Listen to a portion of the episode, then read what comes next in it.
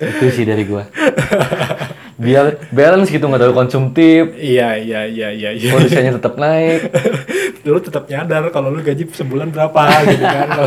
Kalau sekiranya lu banyak pengeluaran, Iya. lu, lu duitnya pas-pasan, nggak usah lu minumnya pulo terus. Iyalah. Lu nggak usah nonton seminggu sekali, nggak usah. Udah, Indomie goreng aja Indomie.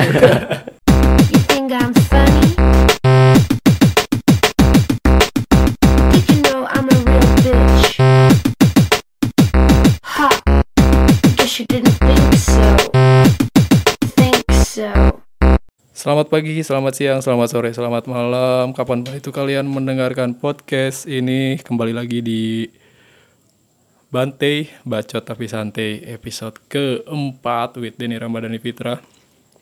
Dan di episode keempat kali ini gua nggak sendiri lagi. Setelah kemarin sendiri, kemarinnya lagi bareng sama teman-teman dan sekarang gua sama temen lagi. eh gua sekarang lagi sama Noval F. Rizal, aka Copal. Copal? halo Den Ya, ya, ini salah satu teman gue juga. Lebih tepatnya adik kelas gue sih dulu di SMA. Dan SMP, eh lu SMP, SMP juga ya? Spensa Spensa juga. Adik kelas juga. Terus kemudian di Bandung juga gue sering banget nongkrong, ngobrol, dan begitulah sama angkatan-angkatan mereka. Dan di eh, episode yang keempat kali ini gue bakal ngomongin apa? eh sama Copal ini dan eh udah dikasih eh tadi di awal bakal gue pasang teaser nggak ya? Nggak tahu juga sih. Pokoknya intinya gue bakal banyak ngobrolin masalah apa ya? Yang lebih serius lah kayaknya kali ini. Setelah kemarin-kemarin gue ngobrolin obrolan-obrolan yang eh, agak-agak agak nggak penting lah istilahnya. Cuman yang sekarang gue bakal ada esensinya nih obrolan yang kali ini di episode kali ini. Cuman tetap santai obrolannya. eh sebelumnya gue bakal nge-present dulu eh, si- eh Instagram lu apa? lu masih main Instagram sih Pak? masih main Noval Ifrizal Novel Efijal tapi nggak nggak aktif juga di Instagram ya ya lumayan sih Biasanya kalau yang buah mau tahu siapa itu Coval langsung aja lah. DM di Instagram. Anjir. Satu-satunya temen gua yang sebenarnya kalau jadi selebgram lu bagus pak. Waduh. Enggak maksudnya kalau kalau dilihat dari engage- engagement ya istilahnya engagement lu setiap apa yang lu lakuin di media sosial, lu tuh selalu menimbulkan ketertarikan terhadap teman-teman lu gitu. Komen lu bisa sampai 30, 40 gitu setiap postingan tuh. Jadi kayak engagementnya bagus kalau jadi selebgram kalau misalkan diarahin ke arah yang lebih komersil lah gitu. sebenarnya itu lebih ke kong kali kong sih teman-teman komennya Oke. jadi makanya kebanyakan komennya pada seragam juga Oh iya emang emang sebenarnya kayaknya emang kayak setiap tong setiap nongkrong tuh udah kayak pemba- ada pembahasan bahwa ah kalau si Copal update pada komen bareng gitu kan ya. jadi kayak udah ada sekte khusus untuk komentator Copal kayaknya. Seru seru seru seru. Dan eh cerita dulu aja. Gue tuh kan sekitar kurang lebih empat tahun lima tahun ke belakang lah ya kurang lebih. Gue tuh eh, hidup di Bandung karena gue berkuliah di sana dan aslinya gue di Purwakarta dan sekarang gue lagi di Purwakarta. Jadi selama gue di Bandung tuh gue berkuliah sambil gue eh, apa ya istilahnya ya mencari enggak mencari nafkah juga sih ya. Maksudnya cari pengalaman buat mendapatkan penghasilan penghasilan sendiri gitu kan biar nggak minta duit ke orang tua terus. Selama kurang lebih empat tahun lima tahun itu dan kemudian ada satu dan lain hal yang membuat gua akhirnya hidup di Purwakarta lagi dan kurang lebih secopal juga sama gitu di Bandung selama lima tahun lima kuliah. tahun ya lima tahun kuliah copal. Dan kemudian setelah beres kuliah juga dia langsung memutuskan untuk Purwakarta di Purwakarta lagi menjalani sa- sampai detik ini menjalani kegiatannya. Dan satu hal yang gua rasa hmm, gua nggak tahu gua doang atau si copal juga kayak begini.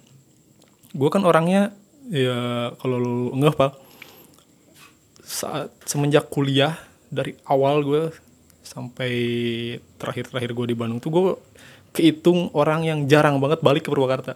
Hmm.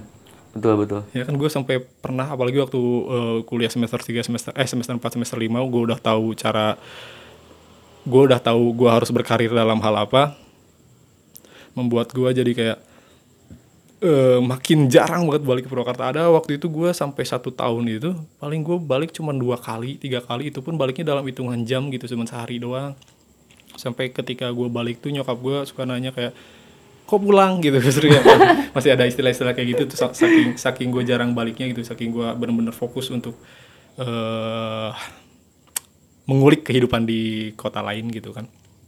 Nah kalau kalau lu waktu di Bandung gitu juga nggak Kalau waktu di Bandung sebenarnya eh, kalau kalau masalah pulang ke Purwakarta sih masih masih bis- bisa dihitung rutin lah.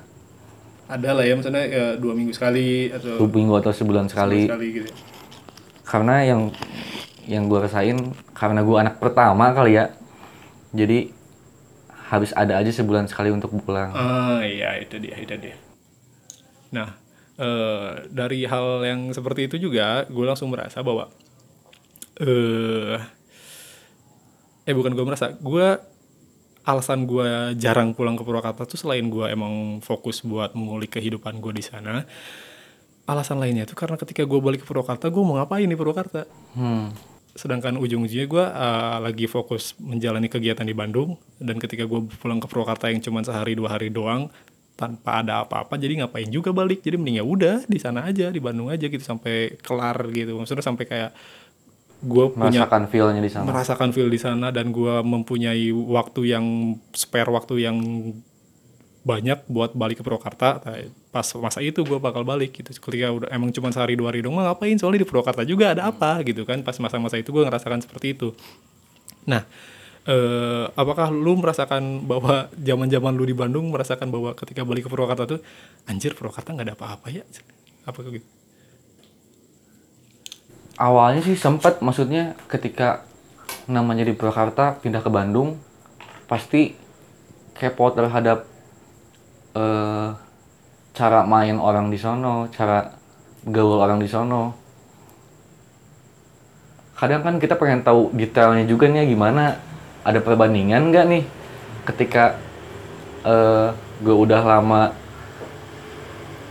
berkecimpung di dunia anak muda tapi di Purwakarta dengan dunia anak muda di Bandung. Ah, iya jadi itu eh, pers- penilaian personal aja sih Penilaian itu ya. personal.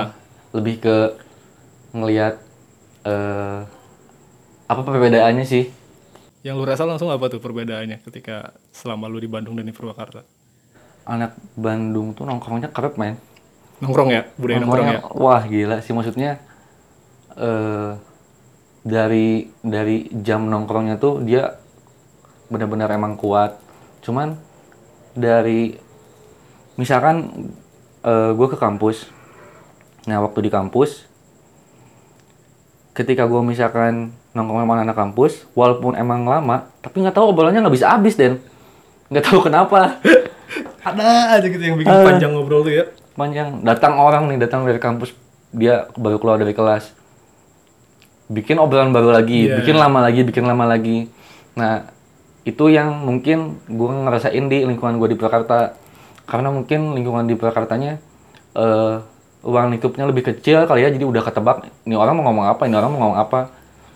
Selain selain selain dari selain dari itu ya, emang karena eh, kita banyak merasakan eh, apa ya? celah-celah obrolan yang sangat banyak gitu ya di lingkungan sana.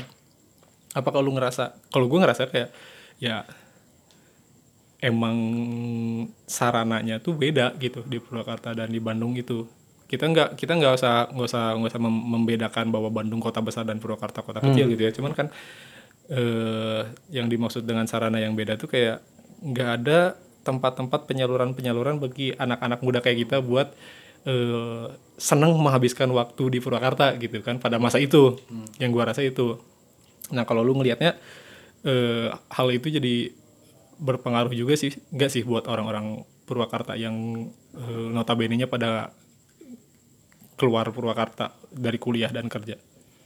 mungkin ada orang yang eh stereotipnya menganggap bahwa eh, kuliah itu sama aja. Lo mau di mana juga? Iya, mau di ada beberapa- Jakarta iya, mau iya. di kota gede.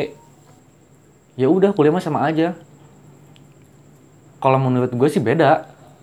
Ketika misalkan lu keluar dari kota lu walaupun emang sama kuliahnya cuman lu bertemu dengan orang lingkungan yang beda juga bertemu dengan wawasan yang baru bertemu dengan stereotype orang yang mungkin sama kita belum belum dapat di di di orang-orang biasanya Iya, iya, iya. tapi iya. kenapa eh, di orang-orang itu bisa jadi hal-hal unik di kehidupan kita ke depannya gitu Jadi lebih ke detailing-detailing Lebih kompleks. kecil ya, detail-detail kecil yang sebenarnya Detail kecil. eh, mungkin bisa luput di kalangan orang-orang biasa, cuman kalau di kayak kita kita tuh ngerasa kayak ya hal-hal itu yang Iya. bikin pembedanya tuh kan. Iya. Mm-mm. Nah, di masuk ke eh, ranah hal-hal kecil detailing-detailing seperti itu, gue jadi gue jadi ngelihat sampai detik ini ya, gue jadi ngerasa gitu pak. Kalau orang-orang Purwakarta khususnya, dia berkuliah di ada banyak eh ada beberapa orang bukan beberapa banyak orang yang memilih untuk gue berkuliah di luar Purwakarta soalnya di Purwakarta emang kampus sedikit jadi pilihannya nggak ada sedangkan di luar banyak entah di Bandung di Jakarta di Jogja di Surabaya di mana pun itu. Dan beres mereka mengenyam pendidikan di sana eh, mereka pulang ke Purwakarta cuma sebentar kemudian mereka bekerjanya itu dan mendapatkan pekerjaannya itu memilih untuk di luar Purwakarta Merantau juga lagi. merantau lagi juga gitu kan. Sedangkan faktanya UMR Purwakarta Karawang gitu maksudnya itu tinggi banget bro. Maksudnya dibanding yang lain ya? dibanding kota-kota lain gila dan ketika lu berkarir berkarir bekerja di Purwakarta itu lu nggak usah mikirin cicilan lu nggak usah mikirin ah, pengeluaran yang sangat besar dibanding ketika lu di luar kota harus mengeluar- mengeluarkan pengeluaran untuk eh, kosan kontrakan atau apa pun itu. Belum entertain. Belum entertain. Belum. Pengeluaran yang tak terduga gitu kan. Iya, kayak gitu gitunya kan. Sedangkan kalau di Purwakarta kan kayaknya bisa lebih ngepres itu sendiri karena kita hidup di rumah sendiri. Nah kenapa kalau dari lu melihat eh, lingkungan yang seumuran kita sekarang justru memilih eh, jalan tersebut? Mungkin kalau misalkan dari sisi kenapa dia bisa milih untuk merantau kembali daripada di Purwakarta walaupun misalkan si UMR-nya lebih menjanjikan atau bukan menjanjikan sih ya lebih enak daripada yang lain lah. Iya iya. Dari sisi UMR-nya. Cuman kalau misalkan dari eh, dia memilih itu, mungkin ada hal-hal yang emang gak bisa dia temuin di sini. Ketika misalkan dia suka di bidang ini, nah ketika di Purwakarta yang eh, konteksnya industrial, dia nggak bisa dapetin di sini. Dia harus keluar dengan eh, mencapai tujuan yang dia pengen, walaupun emang dia eh, secara pendapatan mungkin emang lebih kecil, cuman dia mendapatkan apa yang dia mau. Berarti otomatis lebih ke segi ini ya spiritual batin gitu kayak misalkan kepuasan-kepuasan Hmm, hal-hal kepuasan. Hmm. yang yang di luar dari sekedar nominal yang bisa dia dapetin di yang luar. bisa dia dapetin. Sedangkan di Purwakarta dia tidak bisa mendapatkan itu Iya. gitu kan ya. Mungkin Salah satunya sih itu. iya sih. Keduanya mungkin dari sisi karena kerja itu bukan bukan soal eh, nominal aja kali ya, tapi dari sisi cari jodoh juga mungkin. Iya, bisa. Ketika ada orang yang ah udah lu jangan jangan kuliah eh jangan kerja di di luar di sini aja lo enak. Mungkin ada nyokapnya yang ngomong gitu. Cuman dia pengen ah gue pengen pengen dapat orang dapat jodohnya orang sono. Itu gue harus ke sono juga nih. Hmm, jadi ada Mungkin ada juga yang kayak gitu. ada faktor lain di luar sekedar eh, apa namanya? pendapatan. pendapatan yang mendorong si seseorang buat kayak gue emang harus di luar Purwakarta dulu gitu Iya. kan dan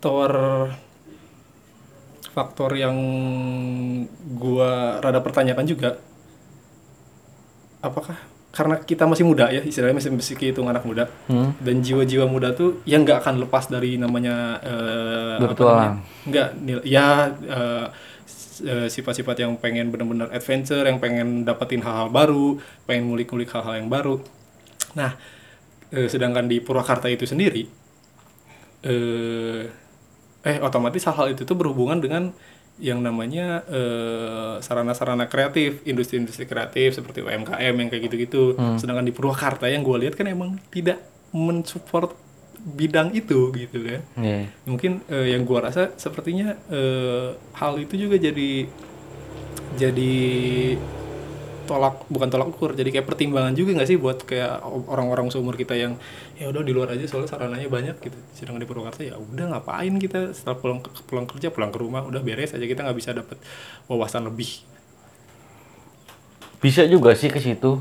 Cuman ada eh, segelintiran orang yang mungkin dia berpendapat bahwa ketika dia tidak mendapatkan yang dia mau di sini, tapi dia juga belum tentu mendapatkan itu di luar. gambling jadinya ya Gambling juga. Cuman karena emang keinginannya yang emang besar banget untuk kayaknya gue bakal dapet nih yang gue mau di sini. Eh, jadi punya gambaran yang lebih cerah di Ah. tempat lain gitu ya Mungkin satu salah satunya itu juga kali ya yang emang bikin orang bisa dapat pressure buat ah gue pasti sukses di di sini nih. iya iya iya iya iya iya iya. Kayaknya itu juga sih. Kalau misalkan dari sisi UMKM ada perkembangan juga sih di Purwakarta. sekarang sekarang ya.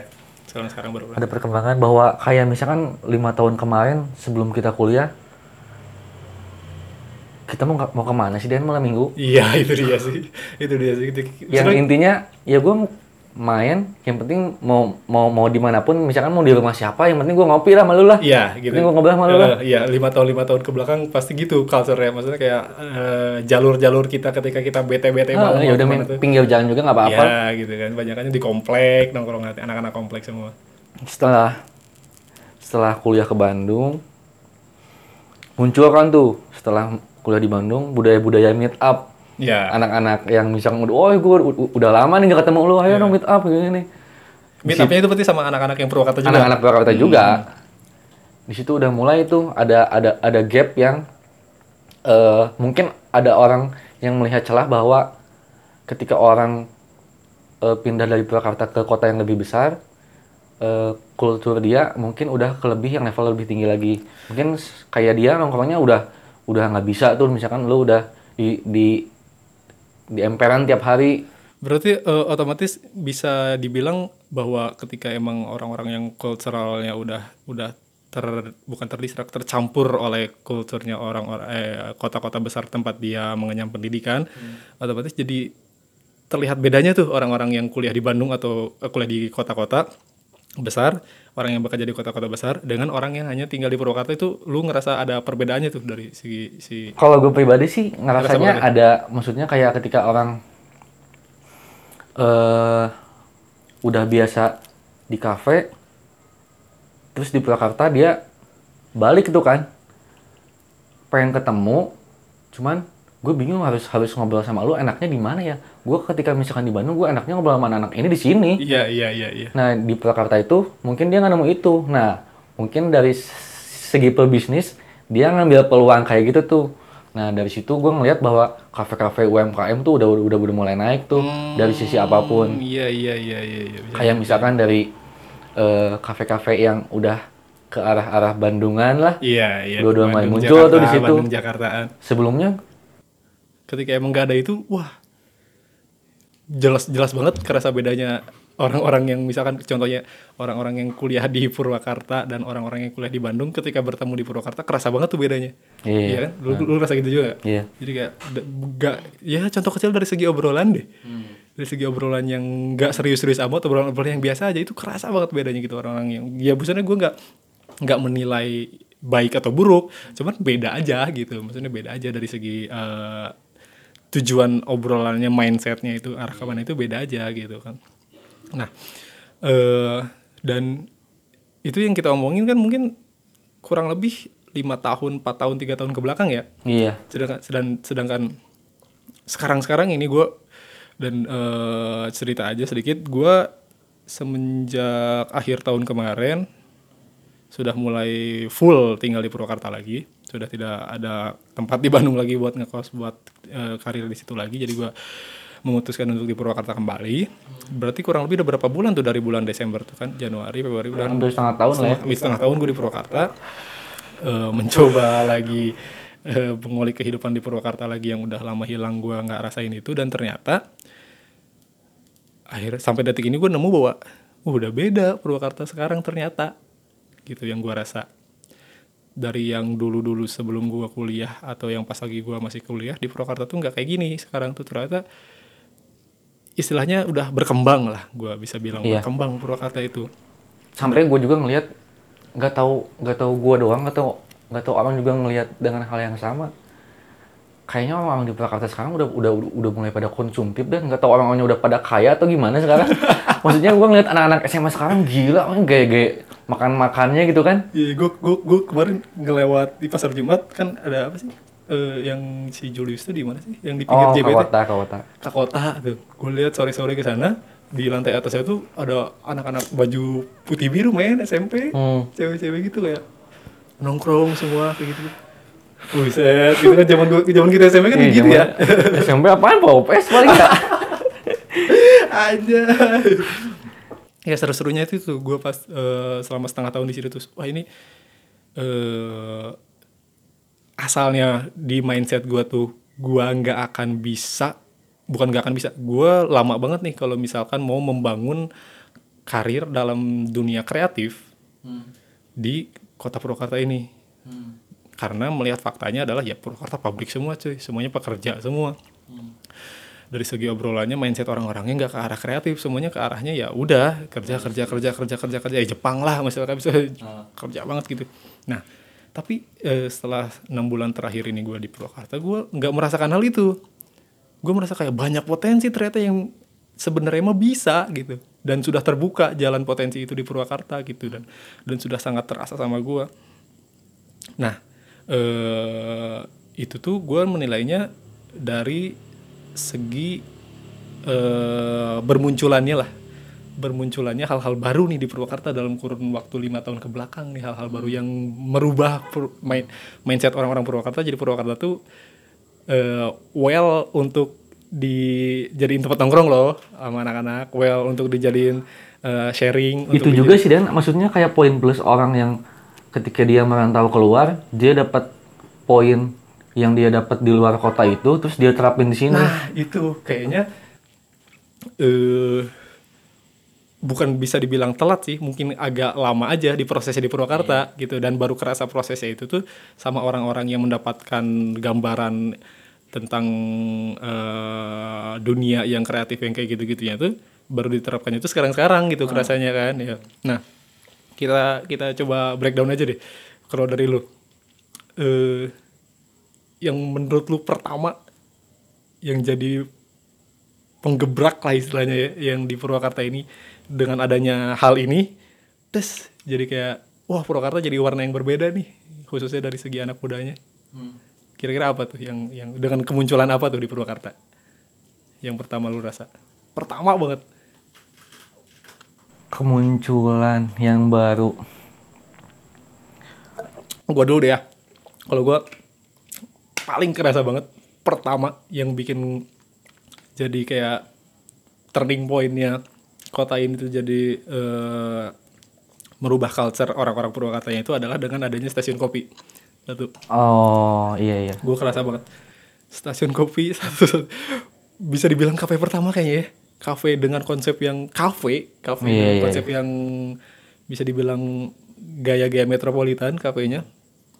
Walaupun gak metropolitan metropolitan banget gitu. Walaupun sebenarnya ketika lu semua datang ke tas- stasiun kopi juga ya kafe aja biasa gitu.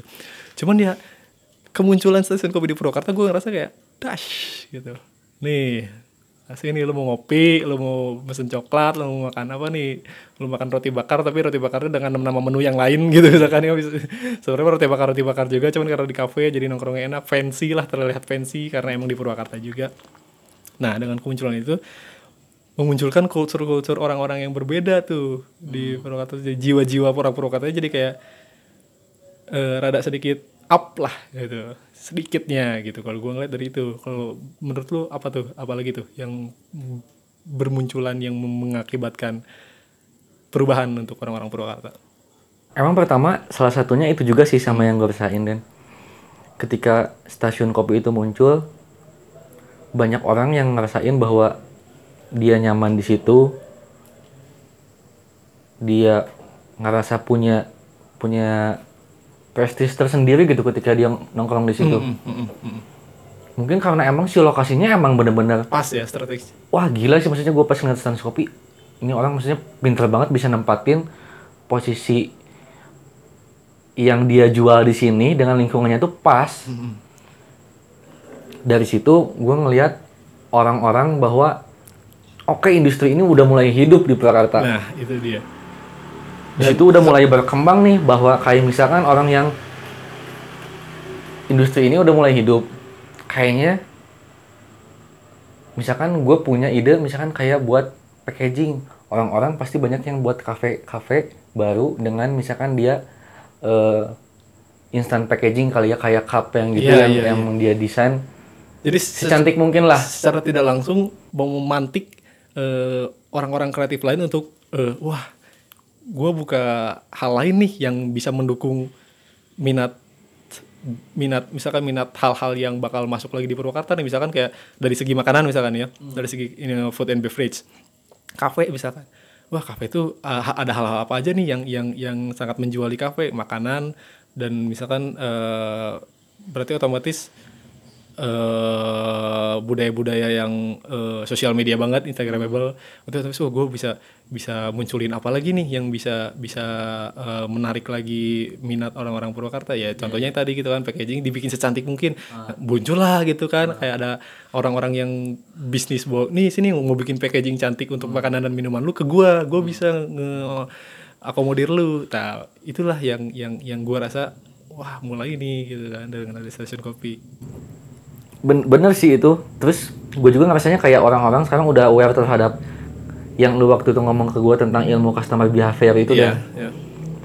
ketika orang sekarang udah mainnya Instagram, ya udah ketika eh, orang mem- memiliki dan aktif di akun itu, berarti itu yang dia pakai setiap hari. ya Nah, ketika dia nongkrong, pasti yang bikin dia jual dia nongkrong itu salah satunya itu.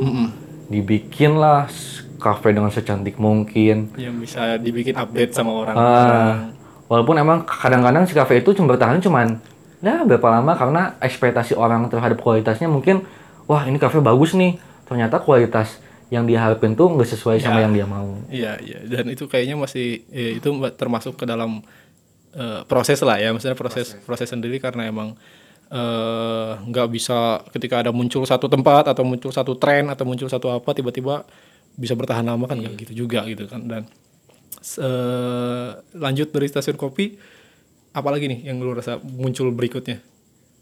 Nggak nggak nggak mesti dari kafe sih nggak mesti dari tempat makan atau apa pun mestinya hal apa aja gitu.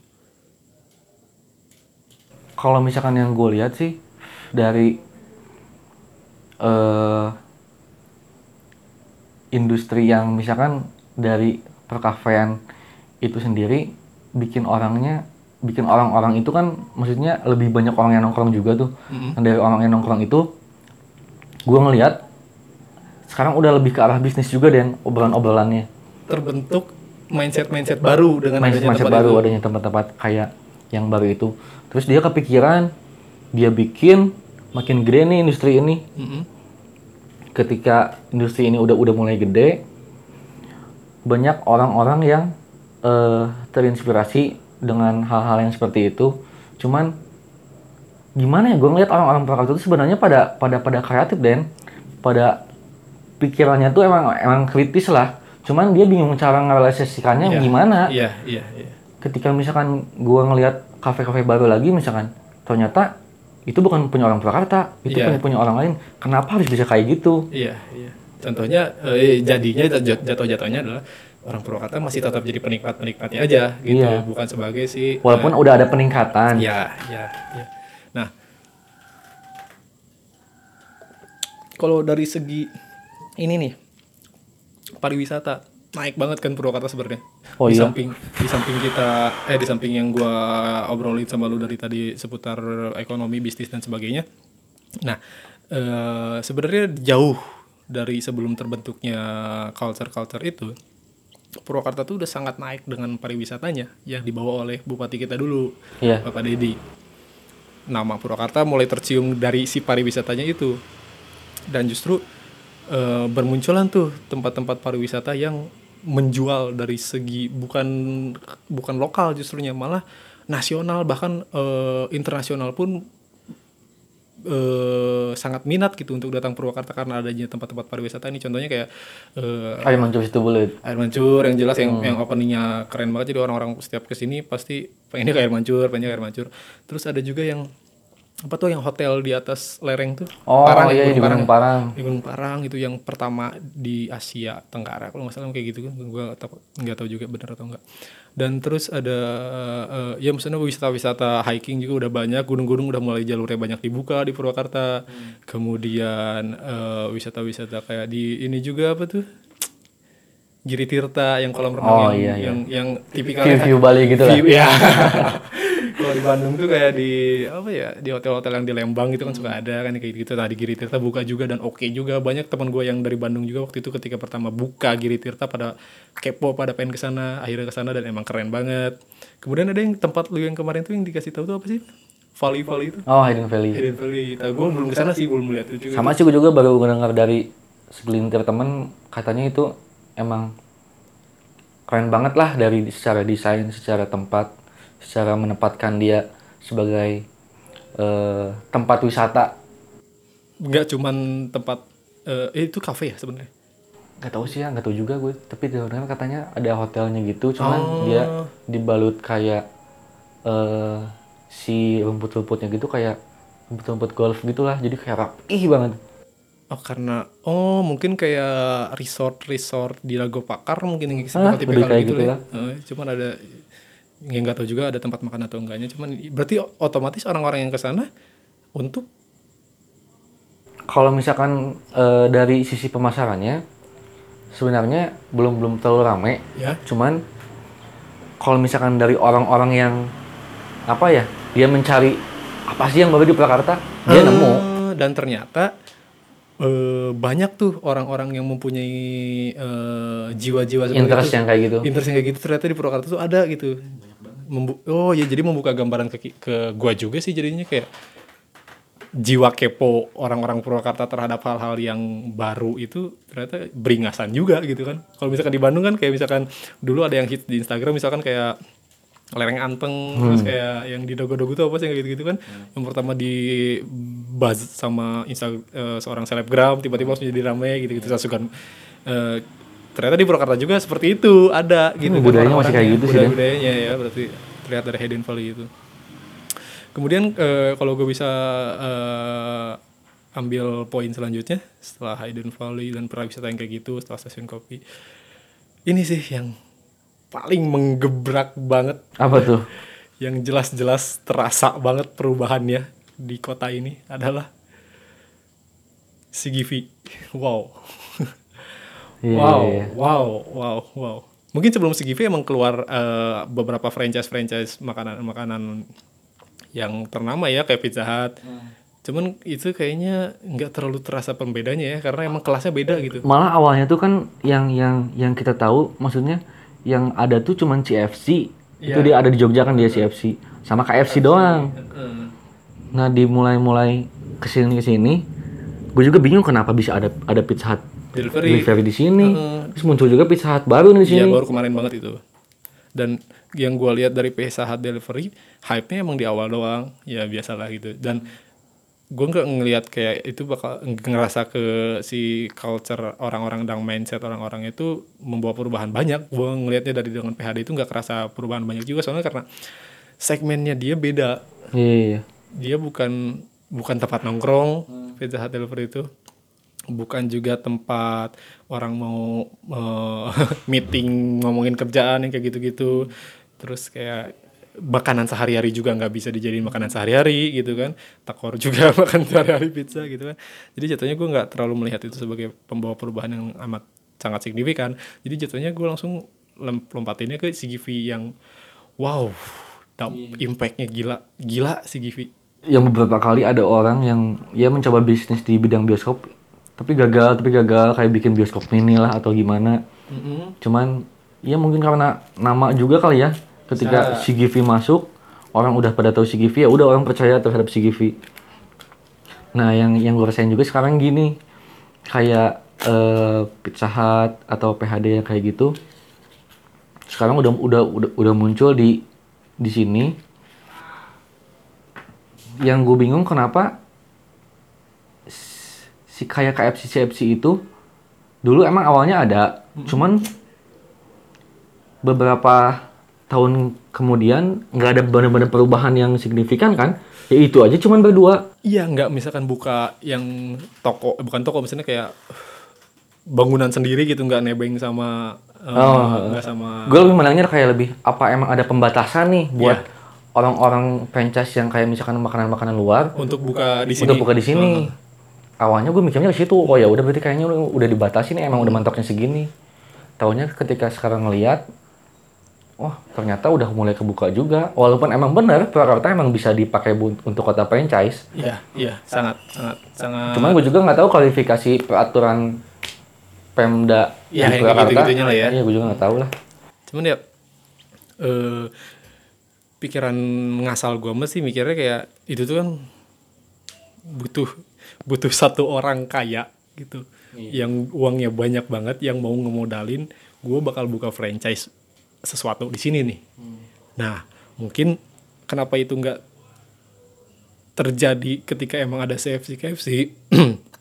mungkin karena emang demand-nya belum terlalu tidak terlalu ya. terasa yang menyebabkan si pemodal developer developer itu tuh ngerasa mikirnya kayak yang mending di kota lain aja yang lebih terasa daripada di sini. Hmm, bener juga sih bener. Nah makanya gue ngurutnya tadi dari stasiun kopi dulu karena emang itu yang yang gue yakini membuka pikiran para pemodal itu mikir kayak oh, stasiun kopi juga oke banget nih berarti gue buka yang lain gitu. yang buka banget sih ya Hah? Ngebuka banget ya Ngebuka kopi. banget berarti ini jalan buat nggak cuman dari segi konsumennya tapi dari segi si produsen juga distributor produsen nah si Givi itu yang gue kerasa culture-nya jadi sekarang ya yang paling kasarnya ya, sekarang kita nggak perlu ongkos yang ongkos kereta, ongkos bis atau ongkos travel untuk sekedar nonton film gitu kan. Sekarang tinggal pakai Gojek juga bisa kita ke STS buat nonton film. Walaupun emang ya kualitasnya emang eh, masih kecil gedungnya yang kayak gitu cuman ya di samping dari itu ya tetap ya gue gue tetap ngerasa kayak worth it aja gitu kan ini sangat sangat memberikan impact yang bagus kemudian eh jatuhnya jadi kayak si sarana-sarana lain pun ikut terbenahi dengan adanya GIF itu. Hmm. kayak contohnya eh selain CGV juga sih eh, ada pariwisata yang tadi udah diomongin juga jadi membuat sarana-sarana di Purwakarta itu jadi dibenahi. Kayak stasiun sekarang gue ternyata stasiun kereta sekarang serapi itu. Maksudnya sekarang dah yang gue terakhir naik kereta bau banget panas banget. Sekarang udah ada roti o gitu maksudnya kan ya. Udah enak banget buat nung- nungguin kereta di sana udah parkirnya udah sangat teratur eh, tiketingnya udah sangat enak walaupun ketika emang membludak emang ya susah susah juga namanya stasiun. Cuman ya gue ngerasa itu kayak jadi impact juga gitu dari apa-apa yang muncul di Purwakarta belakangan ini gitu. Iya juga sih bener. Dari kayak sarana ini aja deh sarana olahraga. ya ya ya. Sekarang kita udah mulai bangkit, ya walaupun Dari- emang belum optimal. Belum optimal ya. Udah udah udah keren lah sih gitu untuk orang Purwakarta. Terus kayak misalkan gue nanya misalkan kalau dia ini. Kayak Pizza Hut. Terus kayak misalkan apa-apa yang baru lah franchise yang baru. Dia kan udah punya nama tuh. Ya oke lah misalkan dia membuka lowongan pekerjaan untuk orang-orang sekitar juga. Ya punya ada dampak positif juga. Tapi menurut lu apa dampak negatifnya ada gak terhadap UMKM yang sekitarnya yang wah gila ini saingan berat banget nih ketika gue misalkan mau buka pizza ya gue udah kalah sama pizza Hut lah apakah mematikan itu gak kata lu Den? Enggak juga sih, enggak juga sih, enggak juga. Soalnya eh gue sangat mempercayai di suatu populasi itu mereka pasti tidak semuanya eh, enggak enggak enggak apa ya homogen lah, enggak homogen, enggak semuanya kayak oh nongkrong di kafe semua enggak gitu kan, tetap ada segmen-segmennya gitu kan. Besar kecil itu ya relatif lah. Jadi justru yang negatifnya itu bukan dari segi eh, si UMKM UMKM takut bersaing bukan. Yang segi negatifnya itu justru lebih ke kapitalisasi sih kalau kita kalau ngomongin masalah jauh hal-hal negatif. Yang gue rasa sebenarnya kapitalisasi aja. Eh, ja- ujung-ujungnya eh, yang lu omongin tadi juga kan kayak jatuhnya ketika ada bermunculan tempat baru atau hal-hal baru tuh kenapa yang bikinnya itu ternyata bukan orang Purwakarta orang luar. Nah jatuhnya orang Purwakarta jadi sebagai penikmat lagi atau sebagai pekerja lagi gitu kan.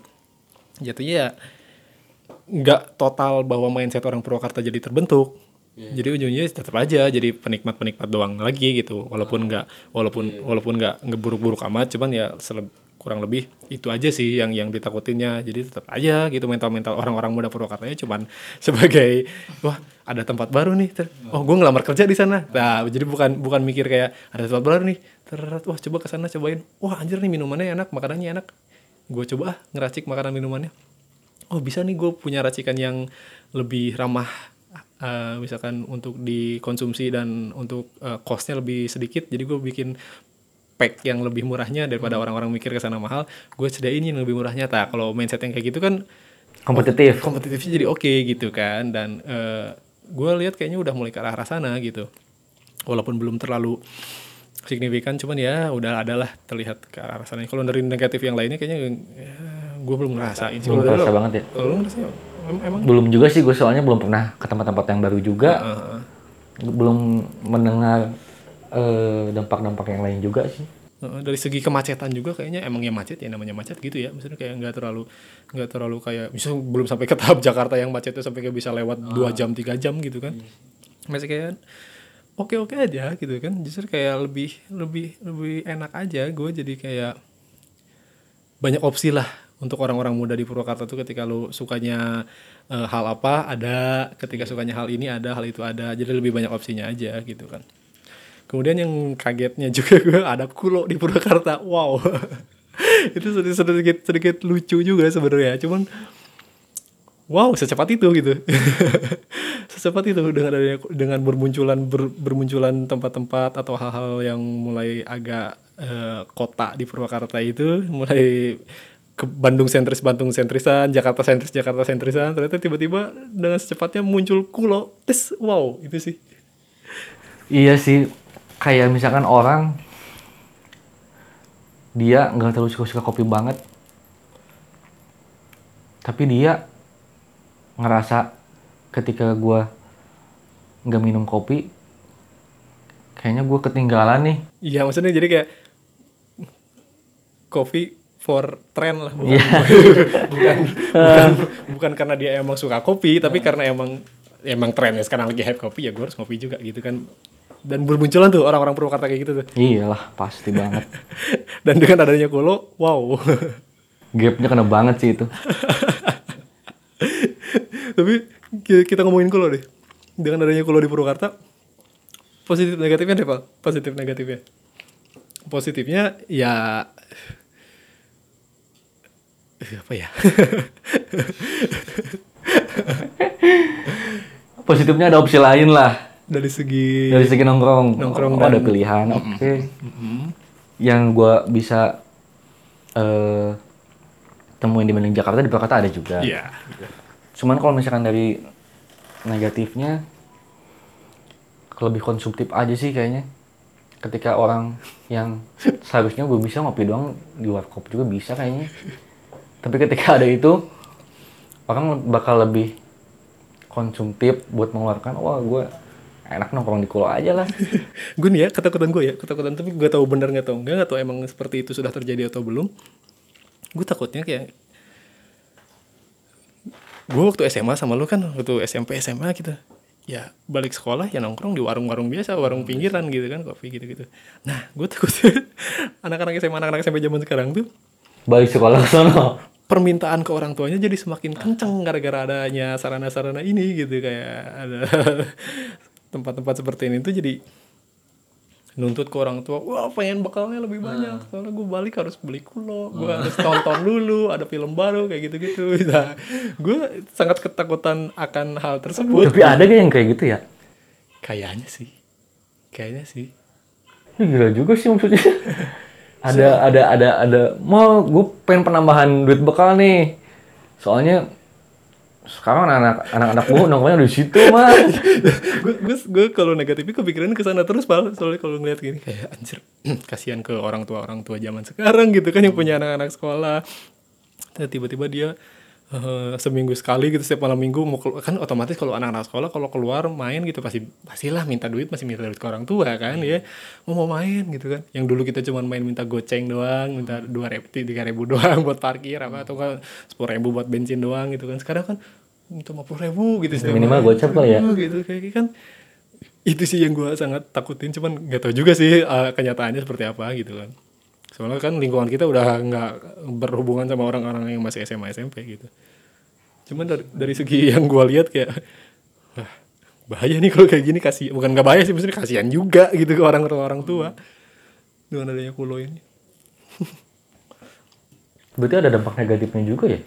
Dari kultur nongkrongnya Nah, iya itu maksudnya kayaknya kayaknya lebih ke sana sih. Maksudnya kayak cultural shock jadi kayak kaget aja gitu ke orang-orang yang hidup di Purwakarta tiba-tiba disuguhi dengan kayak gini, kemudian di era digital yang serba media sosial itu kan.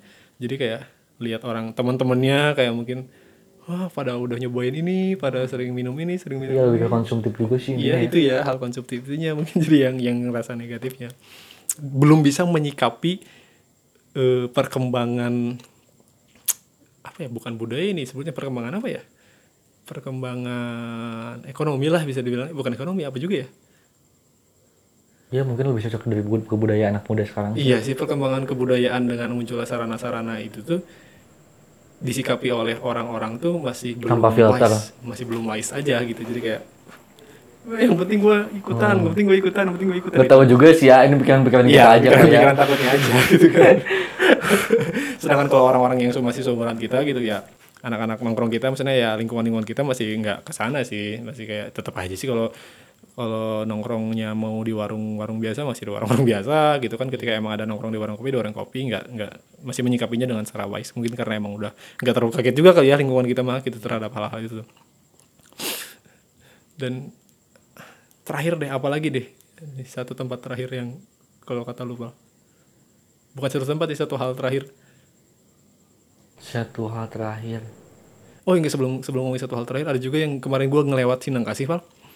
Ternyata ada workspace di sana. Oh iya. Di pinggir itu sambal yang kemarin kita buka bareng tuh sambal apa sih?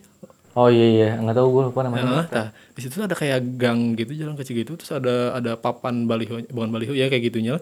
Tulisannya itu kayak namanya apa lupa lagi gue terus co-working space. Jadi kayak kayak tempat ruangan yang bisa lu sewa buat entah mau meeting, mau apa yang kayak gitu-gitu. Dan gue liat wah ada kayak gini di Purwakarta gitu. Di situ kayak ngeliat kayak wow, kepikiran juga ada orang yang bikin kayak gini di Purwakarta. Berani gitu berani melakukan walaupun gue nggak tahu itu eh operasionalnya emang orang-orang Purwakarta banyak yang memakai itu juga atau enggak gue juga bingung sih kalau misalnya di Sindang Kasih orang yang makainya apakah pelajar atau iya untuk misalkan orang-orang yang kantoran? Soalnya kan dari situ kan eh ya anak-anak sekolah lah banyaknya Iya, iya. Jadi kayak dan itu makanya yang gue kaget kok ada co-working space di sini gitu. Maksudnya ya mungkin nanti gue bakal ngecek juga sih di ke sana eh, bagaimana sih co-working space ini operasional berjalannya gitu kan apakah benar-benar eh, antusiasmenya emang ada sebenarnya orang-orang yang menggunakan co-working space seperti itu atau emang dia emang dimanfaatin untuk sebagai eh, tempat dia bersama ruang lingkup dia yang kecilnya itu jadi belum belum terlalu belum terlalu di belum terlalu dikomersilkan atau seperti apa gue belum lihat juga sih. Nah selain terakhir dari gue yang bakal kita obrolin singkat aja. Ini yang mau yang gue rasa menyebabkan culture orang Purwakarta sangat berubah dengan adanya KNB apa tuh? Apa nama singkatannya KNB tuh? tempat kopi roasting yang di Kota Masih Oksa itu di dekat Jalan Baru. Oh. Nah itu yang nyatu sama vape itu bukan sih Ya. Nah, si KNB itu itu adalah tempat roasting beans coffee. Dan tempat jual kopi juga dan banyak lah jualan nggak kopi juga ada teh juga. Eh dia muncul berlandaskan dengan adanya coffee shop coffee shop kecil yang mulai marak di Purwakarta juga. iya iya Coffee shop coffee shop itu kebanyakan belanja beansnya lewat distributor-distributor yang di luar Purwakarta karena emang belum ada di Purwakarta. Muncullah KNB, tang. Nah, dengan munculnya KNB, gue ngerasa yang asalnya ketika yang tadi kita omongin tentang kulo itu adalah orang-orang yang sekedar hanya ngopi karena hype karena tren. Nah dengan anak MB itu terfilter lagi tuh. Orang-orang yang ngopi bener-bener ngopi. Dengan adanya KMB gue eh, karena gue emang pengen bikin buka, eh, pengen buka kopi juga. Jadi kemarin-kemarin gue banyak ngobrol sama orang-orang yang udah buka coffee shop. Dan dari beberapa yang diajakin ngobrol ternyata ya gue sebelum ngobrol sama mereka gue underestimate ya. Kayak ya paling buka kopi ya sekedar dia pengen ikut hype-nya doang buka-buka. Jadi nggak sampai nggak sampai kayak ngulik segagalannya dan ternyata dari beberapa tempat yang gue obrolin langsung sama owner-ownernya ternyata wah gila men ternyata mereka total maksudnya sampai kayak ngulik yang segagalannya belajar dulu ini belajar ini sampai kayak ngerti san dan nggak dari segi bisnisnya dong dari segi kopi itunya sendiri juga jadi eh kuat banget gitu Jadi sama dia. kayak dia kayak kayak ngebentuk budaya baru tentang kayak eh, apa ya mungkin kayak sosialisasi kopi itu kayak gini loh. Nah itu, itu yang pertama gua ajak ngobrol sih ya Ganang ya yang fotokopi. Si Ganang emang ternyata dia lama banget gitu. Terus kemudian ada beberapa orang lagi terus ada si yang punya jajan kopi juga si suaminya si Tania. Hmm, tuh ya. Wow, maksudnya masih ruang lingkup itu, itu juga sih orang-orang itu juga. tapi itu sampai kedengar ke sana loh ke ke arah eh ke arah Cikampek sana lah gue pernah ngobrol sama si Raski itu Ya, si Raski dengar-dengar katanya dia nggak tahu ngerosting atau ngambil Iya, di KNB itu kan. kayaknya dari situ juga. Iya, iya, si Raski maksudnya orang-orang jauh pun udah pada tahu ke situ berarti dia udah punya segmennya masing-masing yang besar. Nah, itu yang gue yang makanya gue bilang bahwa dengan munculnya KNB ini tempat roasting kopi ini maksudnya si satu tempat di mana para penggila kopi ini bisa bertemu dan bisa sharing segala macamnya ini bisa memunculkan nih. Jadi kayak ada filter kayak ada ka- pengkategorian lagi nih di di orang-orang muda Purwakarta nih. Tes ini nih orang-orang Purwakarta. Ternyata ada nih yang banyak yang suka kopi. Banyak yang interest sama kopi. Bahkan setahun dua tahun kebelakangan ini banyak juga event kopi besar di Purwakarta ternyata. Oh gitu? Gue gue pernah dengar tapi yang di Staskop pertama awalnya dia bikin kayak apa ya mungkin kayak pameran gitulah pokoknya si kopi-kopi itu digratisin. Ya yang kayak gitu-gitu tipikal tipikal seperti itu event-event waktu itu yang gedenya mah yang yang biasanya mah di alun-alun. Waktu itu semua di sana buka booth tuh orang-orang yang bisnis kopi yang suka kopi pada bikin kopi-kopinya sendiri gitu kan. Nanti yang datang pada bisa nyobain nyobain nyobain kayak gitu-gitu. Ada jualan beans gue baru tahu loh Den kayaknya kenapa kenapa nggak digembor di sosmed atau emang Kayaknya gue nggak denger aja Nggak, ya? nggak denger aja kayaknya emang emang beda beda beda obrolannya aja mungkin sama kita jadi nggak nyampe ke sana. Cuman gue gue juga dapat obrolan itu karena pas gue lagi nanya-nanya soal kopi itu, gue juga nggak tahu sebenarnya kalau gue nggak nanya-nanya kopi gue nggak tahu hal, hal itu. Ternyata setelah gue nanya-nanya kopi, ternyata emang gila banget si budaya kopi ini di Purwakarta itu yang membuat culture si orang-orang muda Purwakarta itu berubah bukan berubah sih maksudnya bermunculan lah terlihat gitu. Bahwa sebenarnya ini nih orang-orang Purwakarta juga sebenarnya suka kopi ngerti kopi ngulik kopi juga gitu. Dengan adanya KNB jadi makin makin vokal lah jadi makin wah jelas nih. Terus wah ini sih ini sih ini sih ini. Jadi gue gue ketemu teman-teman gue yang dulu juga misalkan yang gue nggak tahu kalau dia itu sebenarnya main kopi dan ketika sekarang sekarang ketemu ternyata wah dia tuh ternyata geek banget sama kopi. Parah banget gitu nguliknya sama kopi oh anjir terus terus ternyata eh bagus sih teman-teman yang kayak gitu kalau misalkan emang dia eh, mensosialisasikan. Kayak misalkan apalagi yang bawa-bawa kopi-kopi yang tradisional itu kan. Nah iya itu. Efeknya efeknya jadi mungkin orang-orang bakal lebih secara secara generalnya lebih banyak suka orang yang su- mencintai kopi tradisionalnya sendiri yang bakal berimbasnya mungkin ke petani-petani kopinya juga. Itu dia. Jadi kayak mm, hal-hal yang dari kita omongin tadi kan dari beberapa tempat beberapa tren beberapa hal-hal yang bermunculan di Purwakarta itu impactnya itu kan yang jelas nggak cuman satu garis nggak cuman kayak misalkan ke- uh, ada tempat makan jadi bermunculan tempat makan tempat makan lain bukan itu doang gitu kan ada hal-hal lain impact-impact lain yang yang yang dibawa oleh mereka gitu. Kayak si Givi impactnya jadi banyak stall-stall minuman makanan atau yang kayak gitu-gitu. Dari tangan ke satunya ya. Ah, bermunculan kayak orang-orang yang eh, semakin suka terhadap nonton film lokal misalkan ya kan? jadi kan mendorong ke eh, sineas-sineas Indonesia juga film-film Indonesia jadi makin naik ya kayak gitu-gitu. Ya kan membantu ke hal seperti itu. Yang dari segi kopi jadi kayak eh, ngarah ke si petaninya jadi makin eh, makmur karena makin banyak Orang yang aware orang terhadap kopi tradisional. wah, terhadap kopi dan terus kemudian si anak-anak mudanya jadi terbuka. Itu kan ada tempat vape juga gitu kan jadi kayak wah ini bisa nih masukin vape juga gini-gini ini cocok nih. Terus ada teh juga jadi kayak kalimat terakhir dari gue ya cuman ini aja ini aja sih. Purwakarta itu layak udah itu bagi gue. Kalau menurut lo apa? Untuk penutup episode ini. Butuh berkembang, butuh inovasi, tapi untuk si, si konsumen tersendiri harus punya filter tersendiri dari perubahan budaya yang berkembang sekarang. oke. Itu sih dari gua. Biar balance gitu nggak terlalu konsumtif, iya iya iya iya iya. Kondisinya tetap naik. lu tetap nyadar kalau lu gaji sebulan berapa gitu kan. Kalau sekiranya lu banyak pengeluaran Iya. lu duitnya pas-pasan nggak usah lu minumnya kulo terus. Iyalah. lu nggak usah nonton seminggu sekali nggak usah. Udah indomie goreng aja indomie. Ya kurang lebih seperti itulah penggambaran tentang yang bisa gue obrolin di bacotan eh, tapi santai episode ke kali ini bersama Copal Noval F. Rizal yang ini tuh berdasarkan atas karena Keresahan pribadi kali ya. keresahan pribadi dan dan apa ya point of interest gua yang merasa kayak Purwakarta itu udah mulai ada daya-daya tariknya itu jadi gua kayak gatal buat ngobrolin ini dan gua membuka ya buat pendengar-pendengar di sana juga mungkin yang belum tahu kalau Purwakarta itu apa. Jadi Purwakarta itu bukan sekedar air mancur doang gitu kan. Bukan sekedar patung-patung doang gitu kan. Jadi kayak ya seperti itulah Eh, kurang lebih gambaran yang kita rasa dari pandangan kita berdua. Mungkin ya kurang lebih seperti itu. Eh apabila ada salah-salah tolong dimaafin. Apabila ada eh yang tersinggung pemikiran yang aneh lo kayaknya. Lo.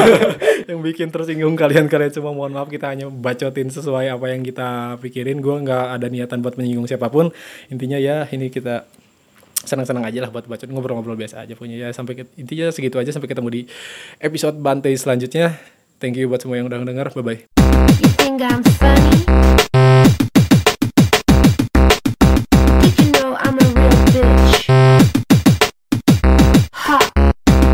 she didn't